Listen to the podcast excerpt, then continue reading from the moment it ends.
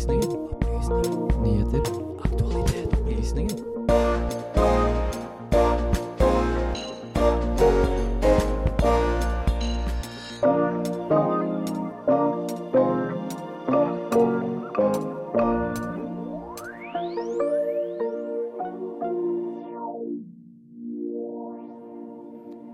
Det har vært protester i Budapest.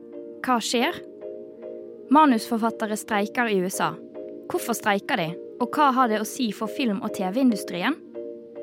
I Latvia blir det om en måneds tid tatt i ed landets første skeive president.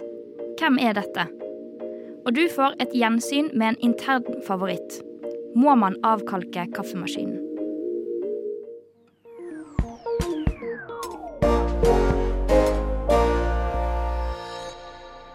Hallo og eh, god fredagsmorgen til alle våre lyttere der ute. Du hører på Opplysningen 99,3 her på Radio Nova. Mitt navn er Lise Benus, og det er jeg som skal lede deg gjennom denne herlige timen med masse gode saker og mye gøy informasjon. Men det slipper jeg å gjøre alene. I studio med meg så har jeg fått eh, min kjære Alexander Klive Grubrandsen. God morgen til deg. God morgen. Og så har jeg òg kjære Helene Skrøder. Hvordan går Oi, god morgen til deg. God morgen til deg òg. Der fikk jeg noe i halsen opp av meg. Sånn kan det gå. Har dere hatt en god morgen? Ja, faktisk overraskende bra. Jeg tenkte litt over det i stad, faktisk. Fordi sånn Jeg tenkte sånn åh, nå er det sommer, og da er det mye liksom diggere å stå opp enn på vinteren, da. Sånn, det er faktisk lyst ute, og det er varmt, og det er sol. Og da får jeg mye Ja, mer motivasjon, da, for å stå opp. Mm. Ja. Det er liksom solen ute hjelper når du skal opp. ja. Mm. Alexander? Ja, jeg tenkte på litt av det samme, faktisk. At jeg er veldig glad i disse sommermorgenene. Hvor det er liksom Sånn som nå, da. Det er egentlig varmt allerede på morgenen. Ja, ja, for jeg har egentlig hatt litt eh, motsatt opplevelse så langt i år. For jeg, eh, jeg gikk for første gang i går med sandaler. Og så fant jeg fram et sandalpar eh, fra skapet. og så hadde jeg glemt hvor forferdelig gnagsår jeg får av de. Så jeg hadde tatt de på meg, og så skulle jeg ut på tur. Og så gikk jeg i kanskje to timer, og nå har jeg så fæle gnagsår på hælen at jeg ikke klarer å dusje. Nei. Det er vondt Det er vondt å få vann på det. Det er helt grusomt. Men jeg tror, jeg tror man egentlig ikke bør gå på tur med sandaler eller Du har kanskje et poeng der, men jeg skulle gå uh, til Sognsvann. Til de som har vært der, Så skulle meg og noen venner på en måte helt til andre siden, for der er det en brygge. Det er ganske nice å ligge på, så vi skulle dit. Og det tar liksom fort 20 minutter å gå. Men, men. Ja ja. Man, eh, man eh, lever Nei, lærer så lenge man lever, ikke det man sier? Jo. Det er vel det man sier. Ja, jo, jo, det er for så vidt det. Um, og her uh, på Radio Nova, holdt jeg på å si, her på Opplysningen på Radio Nova, så skal du få lov til å høre på masse interessante saker framover. Men først så kan du få litt musikk. Du får Bare Andy, en som elsker hele deg. God dag og god fredag. Hjertelig god fredag morgen. God morgen, god morgen, god morgen og god morgen. God morgen og velkommen til Opplysningen, Radio Nova sitt samfunns- og aktualitetsmagasin. Med opplysningen 99,3 på øret, ja, da blir det en god fredagsmorgen. Opplysningen 99,3. Hver fredag fra 10 til 11 på Radio Nova. Ja, da kan vi bare gå videre i sendingen, tenker jeg. God morgen til alle som nettopp tuner inn, og eh, god morgen til alle som har hørt på oss fra start. um, da kan jeg bare begynne med å spørre, har dere noensinne vært i byen Budapest? Nei. I kaos. Nei, i kaos i kor. Ja, dessverre. Ja, men hva er deres inntrykk av denne byen, da? Har dere noe som helst sånn tanker rundt byen sånn uten å ha vært der? Sånn, sånn som jeg har sett på bilder, da, så ser det ut som det er ganske fint. da. At det er veldig mye sånn gammel, litt sånn klassisk arkitektur, vil jeg kanskje kalle det. Med mye sånne bygninger med, med sånn spir på, kanskje. Ja, jeg tenker egentlig på at det er en veldig sånn historisk by. Ja, mm, veldig.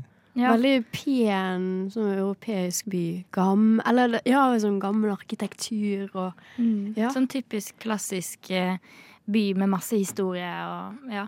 ja. For jeg har jo faktisk vært der. Jeg har vært så heldig at jeg har fått uh, oppleve den byen. For jeg syns det er en veldig fin by. Det er mye historie, og det, har jo, det er jo ganske kjent for å ha sånne sånne spa. At man drar på spa der. Spa, ja. Ja. Mm. Ja, så- Sånne varme kilder. Ja, sant det! Og så kan man sitte i sånn der eh, svømmebasseng-typ, og så Ja. er det Ja! Det er skikkelig sånn avslappet stemning i byen generelt, føler jeg. Det er liksom folk eh, ja, går tur i finværet hvis det er finvær, og går på spa, og masse turister, og skikkelig hyggelig. Men sånn er det jo ikke alltid. Eh, For eh, i mai måned så har eh, Budapest, eller Budapest, opplevd en rekke med protester som følge av en lærerstreik. Og akkurat dette har vår reporter Benjamin Nordtømme sett litt nærmere på. Budapest, 19. mai. Utenfor parlamentsbygningen har en stor folkemengde samlet seg. De har trommer, bannere med slagord, og noen av de fremmøtte har malt utropstegn i håndflaten. De fremmøtte spriker i alder. Det er videregående-elever og 50-60-åringer.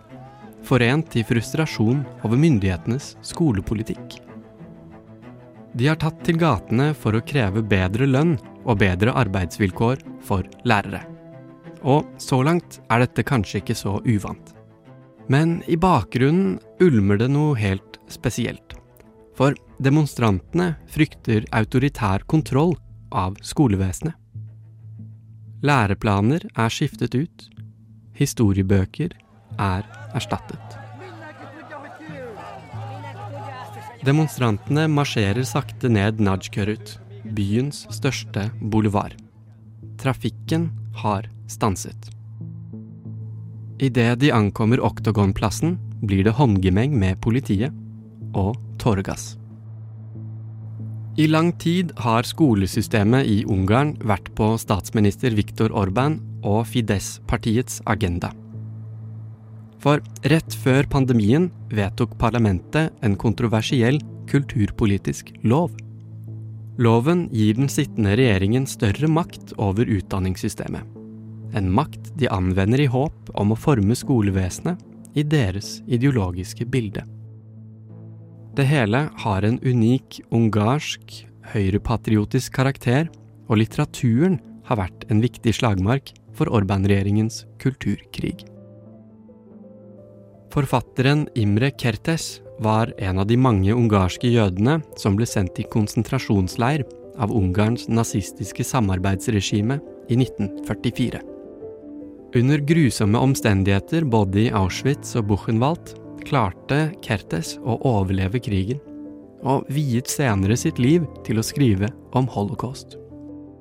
Han mottok nobelprisen i litteratur for sitt virke, men det til tross er ikke lenger Imre Kertes å finne på læreplanen.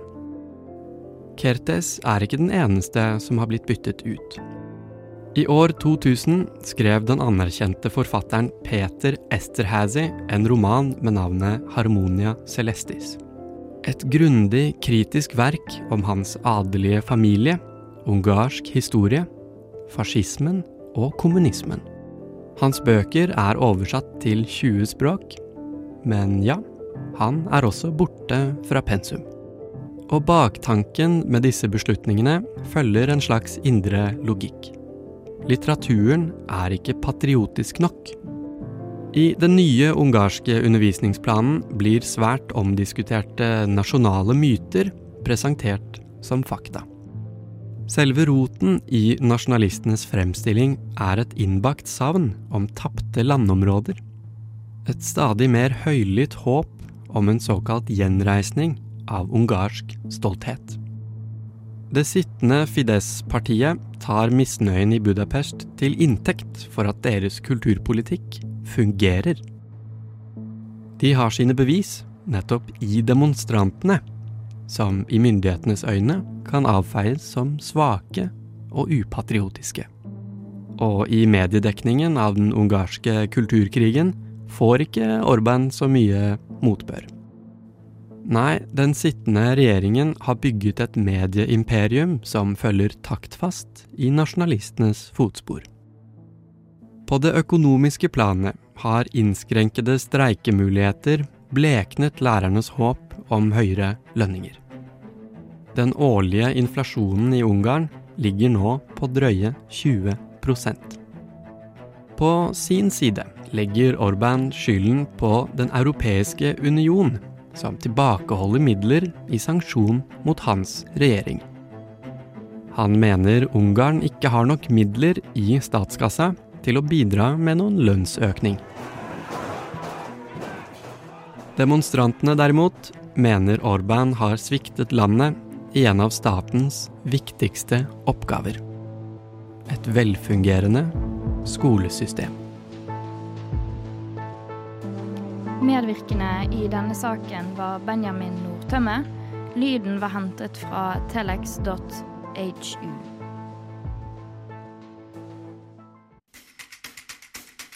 Opplysningen på Radio Nova.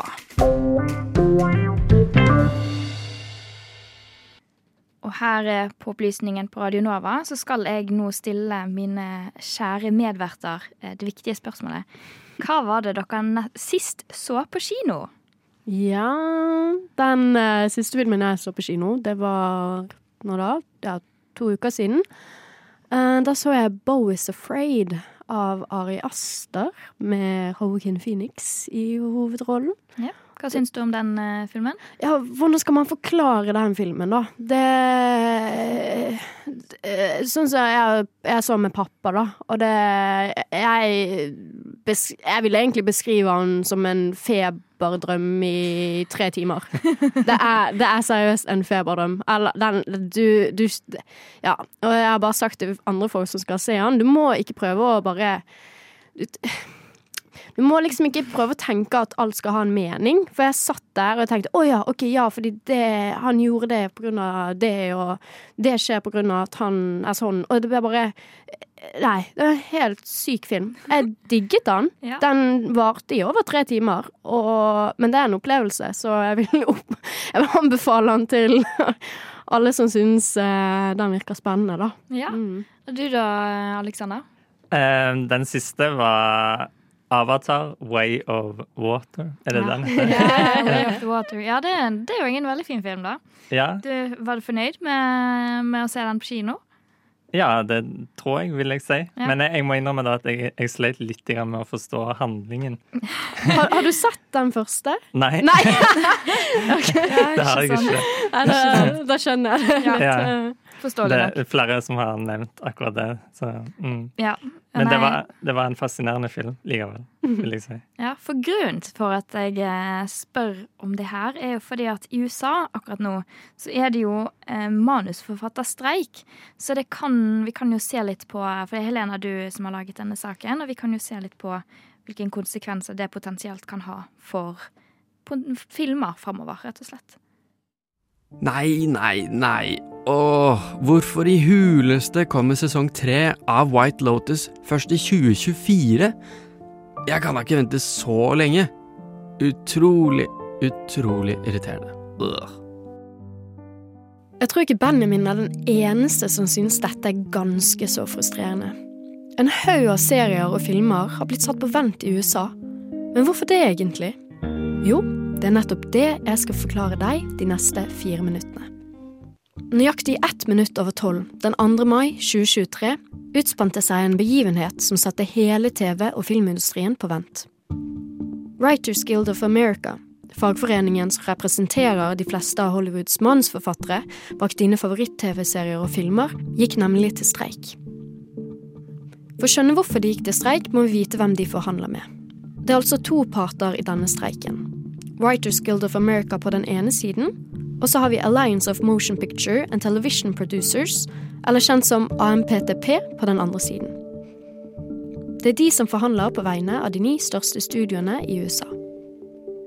Writers Guild of America sitt styre stemte for streike etter at samtalene mellom dem og AMPTP mislyktes å komme til enighet. Så hvorfor streiker manusforfatterne? De siste årene har TV- og filmbransjen endret seg drastisk. Spesielt TV-produksjonen har vokst raskt det siste tiåret, ettersom medieselskaper har investert milliarder i ulike strømmetjenester. Men manusforfatterne har sagt at lønnen deres har blitt mindre. Ved at streaming har blitt den nye normen, har dette nemlig vært med på å endre manusforfatternes lønn. Det har faktisk hatt en negativ effekt på inntektene deres. I TV blir manusforfattere betalt per episode. Og før i tiden produserte medieselskapene langt flere episoder enn det streamingselskapene gjør nå i dag. Før kunne en sesong være på 20 episoder eller flere, men i dag har kanskje en sesong bare 8-13 episoder. Og dermed streiker manusforfatterne for mer lønn. Noe de også streiker for, gjelder hvor mye royalties de får. Manusforfatterne får nemlig royalties, altså penger hver gang en episode blir sendt eller streamet andre steder. Disse royaltiesene er lavere for streamingprogrammer enn for kringkastingsprogrammer. Og det kravet som forklarer hvor mye royalties manusforfatterne skal få utbetalt, ble bestemt for ganske lenge siden, egentlig akkurat når streaming begynte å bli populært. Derfor er det på tide å øke hvor mye de får i royalties, ettersom bransjen også endres daglig. Streaming har jo blitt den mest vanlige måten å se på serier på. The Writers Guild of America har også streiket før, nemlig fra 2007 til 2008. Og der var også streiken preget av komplikasjoner rundt disse nye mediene. Så nå, 15 år senere, streiker de på nytt, med egentlig de samme problemstillingene som vi så begynte å komme fram i 2007. Så hva har dette å si for dine favorittserier? Seerne vil først legge merke til effektene på de ulike talkshowene som blir sendt i USA. Fra Jimmy Kimmel til The Late Show with Stephen Colbert og The Tonight Show with Jimmy Fallon.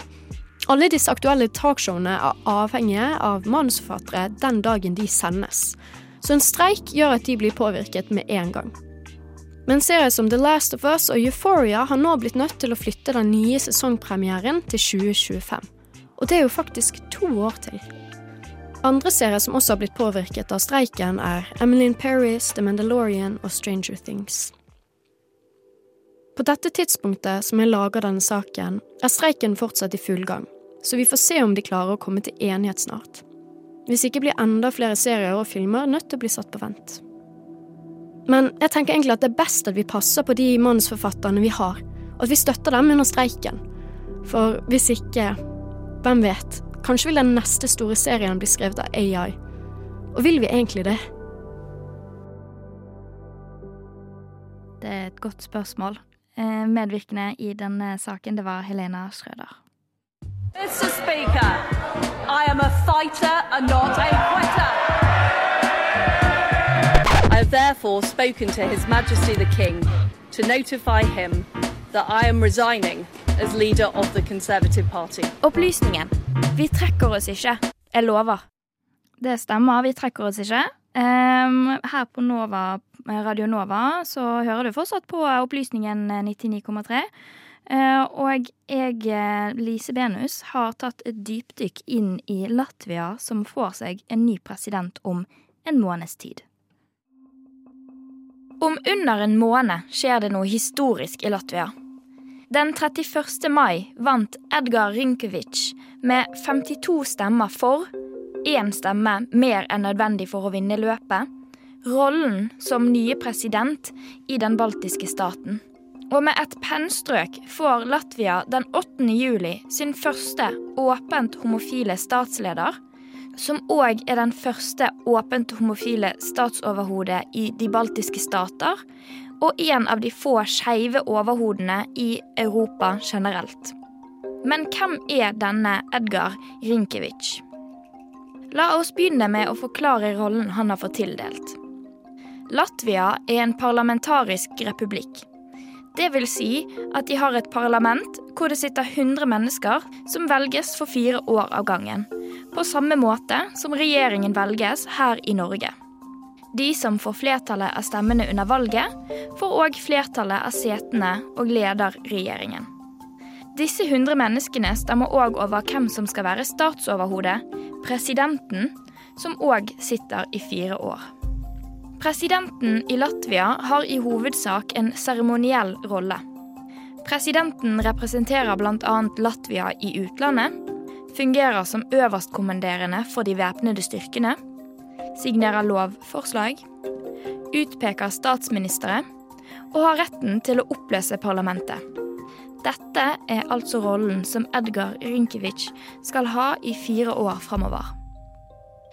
49 år gamle Edgar Rinkevic har i løpet av sin politiske karriere vært innom tre forskjellige sentrums-høyrelente partier. Det han sitter i nå, som kalles Enhet på norsk, har han tilhørt siden 2014. I løpet av sin karriere har han bl.a. jobbet som statssekretær i Forsvarsdepartementet. Han har vært leder av staben til presidenten av Latvia, og har de siste årene jobbet som utenriksminister. Som utenriksminister har han opplevd stor popularitet blant latviere pga. hans harde holdning til nabolandet Russland og hans urokkelige støtte til Ukraina etter at krig brøt ut i landet. Senest forrige uke onsdag sa han ifølge NBC News under en pressekonferanse at han ønsket at medlemslandene i Nato skulle gi håp til drømmen Ukraina har om å få bli medlem av forsvarsorganisasjonen. Rinkevic var selv nestleder for den latviske delegasjonen som forhandlet om tiltredelse til Nato i perioden 2002 til 2003. Rinkevic kom ut av skapet i 2014 og kunngjorde på Twitter at han var stolt over å være homofil. På dette tidspunktet lovet han å kjempe for et juridisk rammeverk for ekteskap mellom mennesker av samme kjønn, som per juni 2023 fortsatt er ulovlig i Latvia. Holdninger til homofile og andre med ikke-heteroseksuell legning har historisk sett vært mindre akseptert i de tre baltiske nasjonene Estland, Latvia og Litauen enn i Vest-Europa melder The Washington Post. I Latvia er det ulovlig for skeive ekteskap mellom to av samme kjønn, men det er mulighet for en sivil forening gjennom registrering i forvaltningsdomstolen siden 2022. Det er ikke det samme som ekteskap, men det gir par av samme kjønn noen av de samme rettighetene og pliktene som et tradisjonelt ekteskap ville gjort. Kampen for de skeives rettigheter er viktig for både Rinkevic og hans parti Enhet. De kom med lovforslag i 2015 og 2018 hvor de forsøkte å gjøre ekteskap mellom to personer av likt kjønn lovlig. Utfordringen ligger i hovedsak i en grunnlovsendring fra 2006. Denne sier at staten skal beskytte og støtte ekteskapet, en forening mellom mann og kvinne, familien, foreldrenes rettigheter og barnas rettigheter. Det er dette som ble referert til da lovforslagene fra 2015 og 2018 ble stemt ned. En Globosec-undersøkelse utført i mars 2023 viser at 40% av latviere støtter ekteskap av personer med samme kjønn, mens 46 var imot. Latvia skårer generelt sett relativt lavt på de skeives rettigheter, sammenlignet med andre land i Europa. Det er f.eks. ikke lov for to personer av samme kjønn å adoptere et barn sammen, selv om dette er noe som kan gjøres av enslige foreldre. Skeive par i andre land har heller ikke lov til å adoptere et barn ut av Latvia. Lesbiske par kan imidlertid få tilgang til IVF-behandling og assistert inseminasjonsbehandling for å få barn. Kampen for de skeives rettigheter i Latvia er ikke over. Men det blir spennende å se hvilken utvikling landet har nå med et skeivt overhode. Reporter i denne saken, det var meg, Lise Benus. Du hører på Opplysningen Opplysningen. Opplysningen. Opplysningen. Opplysningen. Opplysningen. hver fredag mellom klokken 10 og 11. På Radio Nova.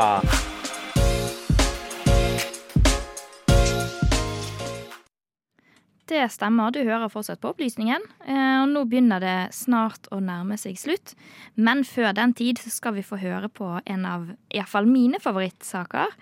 Eh, Og i den anledning så har jeg enda et veldig viktig spørsmål å stille dere. Eh, Her i studio, er dere glad i kaffe? Ja. Ja, sånn passer i hvert fall. Sånn passe. Ja, ja, men det er ikke det Men hva foretrekker du? Foretrekker du kald eller varm kaffe? Kald. Kald? Ja. Mm, wild. Hvorfor det? Mm, kanskje Jeg vet ikke. Fordi det er litt sånn friskere. Altså det smaker det veldig ofte søtt. Jeg er ganske glad i ting som er søtt. Eh, og det varm kaffe er ikke alltid så søtt, men kanskje litt mer sånn bittert. Eller surt. Eller, ja. Hva jeg skal si. Ja. Nei, jeg kan Mm. støtte den for så vidt. Du da, Helena? Nei, nå på sommeren liker jeg best iskaffe, da. Men eh, jeg er veldig glad i varm kaffe. Det er uh, Å starte liksom dagen med en varm kopp kaffe. Ja.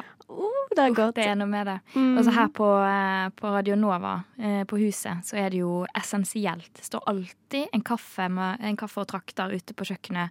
Og man sitter alltid på redigeringsrommet med koppen i Mm. hånden. Og jeg syns det er veldig rart, for jeg likte faktisk ikke kaffe før jeg begynte her. Men så er det sånn exposure therapy. Jeg har bare blitt utsatt for så mye kaffe. Mm. At nå er sånn mm, Nå må jeg ha meg en kopp kaffe når jeg kommer på Nova, liksom. Det er jo positivt og negativt, det, for så vidt.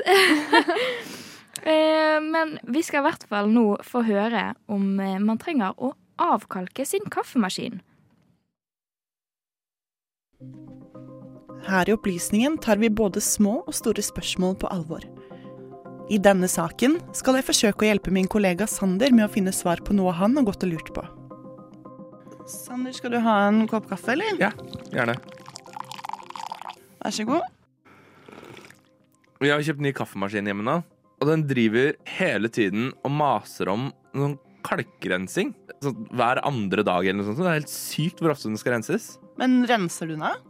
Jeg ringte pappa, som, og han sa sånn Nei, du må ikke rense den. Det trenger ikke å gjøre det i Norge. Men jeg skjønner ikke hvis det Det er en kaffemaskin kjøpt i Norge med norsk bruksanvisning som sier at jeg skal kalkrense den når den ber om å renses. Og da vet jeg ikke hvem jeg skal stole mest på. da Skal jeg stole på pappa, eller skal jeg stole på kaffemaskina mi? Det første jeg forsøker å finne ut av, er om Sanders pappa har rett når det gjelder vannet i Norge. Jeg ringer til Tromsø. Der sitter det en fyr som har peiling på norsk vann. Mitt navn er Pål Gundersen. Jeg jobber på Norges geologiske undersøkelse. Og jeg er da kjemiker eh, av utdanning, eh, vannkjemiker, og har jobba med grunnvann her på NGU siden 2004. Jeg spør hvor mye kalk det må være i vannet for at det skal danne et belegg i apparatene våre.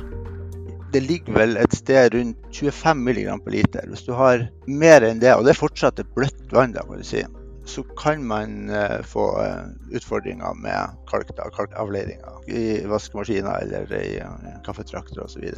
De, de statistikken som jeg har sett på, med grunnvann i hvert fall, så ligger mer enn ca. 80-90% av brønnene fra 10 mg per liter og under. Med de konsentrasjonene av kalk eh, som er i Oslos vannforsyning, som kanskje kan ligge rundt sånn eh, mellom 13 og 16 eller noe der omkring, ut av eh, vannbehandlingsanlegget i, eh, på Ose, så skal jo det være nivå som ut ifra akkurat på kalkavleiring skal jo det være eh, under det som man kan forvente er noe, der det er noe problem. da. Vannkjemikeren tror altså ikke det er noe problem, men kan det være minimale mengder som ødelegger kaffesmaken likevel? Jeg tar turen innom Norsk Kaffeinformasjon og hører hva de mener om saken. Hei, jeg heter Bjørn Grydland, og jobber i Norsk Kaffeinformasjon. Eh, Det er bransjens eh, informasjonskontor, og vi tester kaffeutstyr og arrangerer masse forskjellige ting rundt kaffe. Det er med en viss skepsis at jeg møter denne kilden. Norsk Kaffeinformasjon produserer og tjener penger på kalkrens. Vil de være ærlige? Er kalkoppsamling i kaffemaskin et stort problem i Norge? Nei. Fins noen få områder i Norge som har kalk i vannet. Det ser man, Hvis du er usikker, så ser man det veldig fort på innsiden av kjeler eller i dusjen osv. Så sånn. Men øh, det er ikke så mange områder. Så kalk i vannet er ikke et problem i forhold til kaffebrygging. Men å rense kaffemaskinen er veldig lurt. Fordi det er ikke bare kalk som setter seg fast. Det kan jo være litt sånn avleiringer fra vannet også. Humus og andre ting som er i vannet. Så å, å re rense kaffemaskiner er smart uansett. Men avkalking det er det bare noen få områder i Norge som har behov for. Selv de som selger kalkrens mener altså at dette ikke er et stort behov i de fleste norske husstander. Men hvorfor maser Sanders kaffemaskin? Jeg gjør et siste stopp hos noen jeg håper kan hjelpe meg. Baristaservice på Rodeløkka. når du spør meg som tekniker, det viktigste rommet er verdensscenen. This is where the magic happens. Det er operativ servicesjef Fredrik Storm som møter meg. Han åpner et stort arkivsystem for å vise meg noe. Jeg ser du har sånn gammeldags eh, Eller ikke gammeldags, men sånn ordentlig arkiv. ja da. Sånn er det når man skal være midt i byen. Så dette er fra en espressomaskin. Det er altså 2,5 liter med ja, sånne crunchy kalkpartikler. Så vi kan jo ta litt av dette, så skal vi bare se hva som skjer når vi har på saltsyre. Så det jeg gjør, er å ta litt av dette kalket. Og så ta litt grann varmtvann, ellers blir reaksjonen for heftig, liksom. Så hvis du ser nede her nå, som jeg har på syre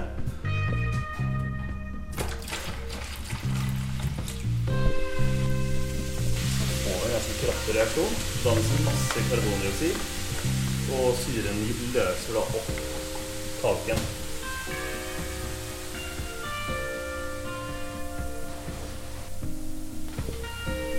Så det bobler, og så utdannes det en del varme eh, i reaksjonen. da. For dette er den kjemiske reaksjonen som skjer oppi her. Ja, Hvis du ser underifra nå, så ser du at nesten all kalken er allerede borte. Ja. Jeg spør om temperaturen på vannet spiller inn på kalkavlæringene. Spesielt når vannet går over 100 grader. Så I disse espressomaskinene har du to tanker. Du har en som holder sånn ca. 95-97, som du bruker til bryggevannet for espressoen.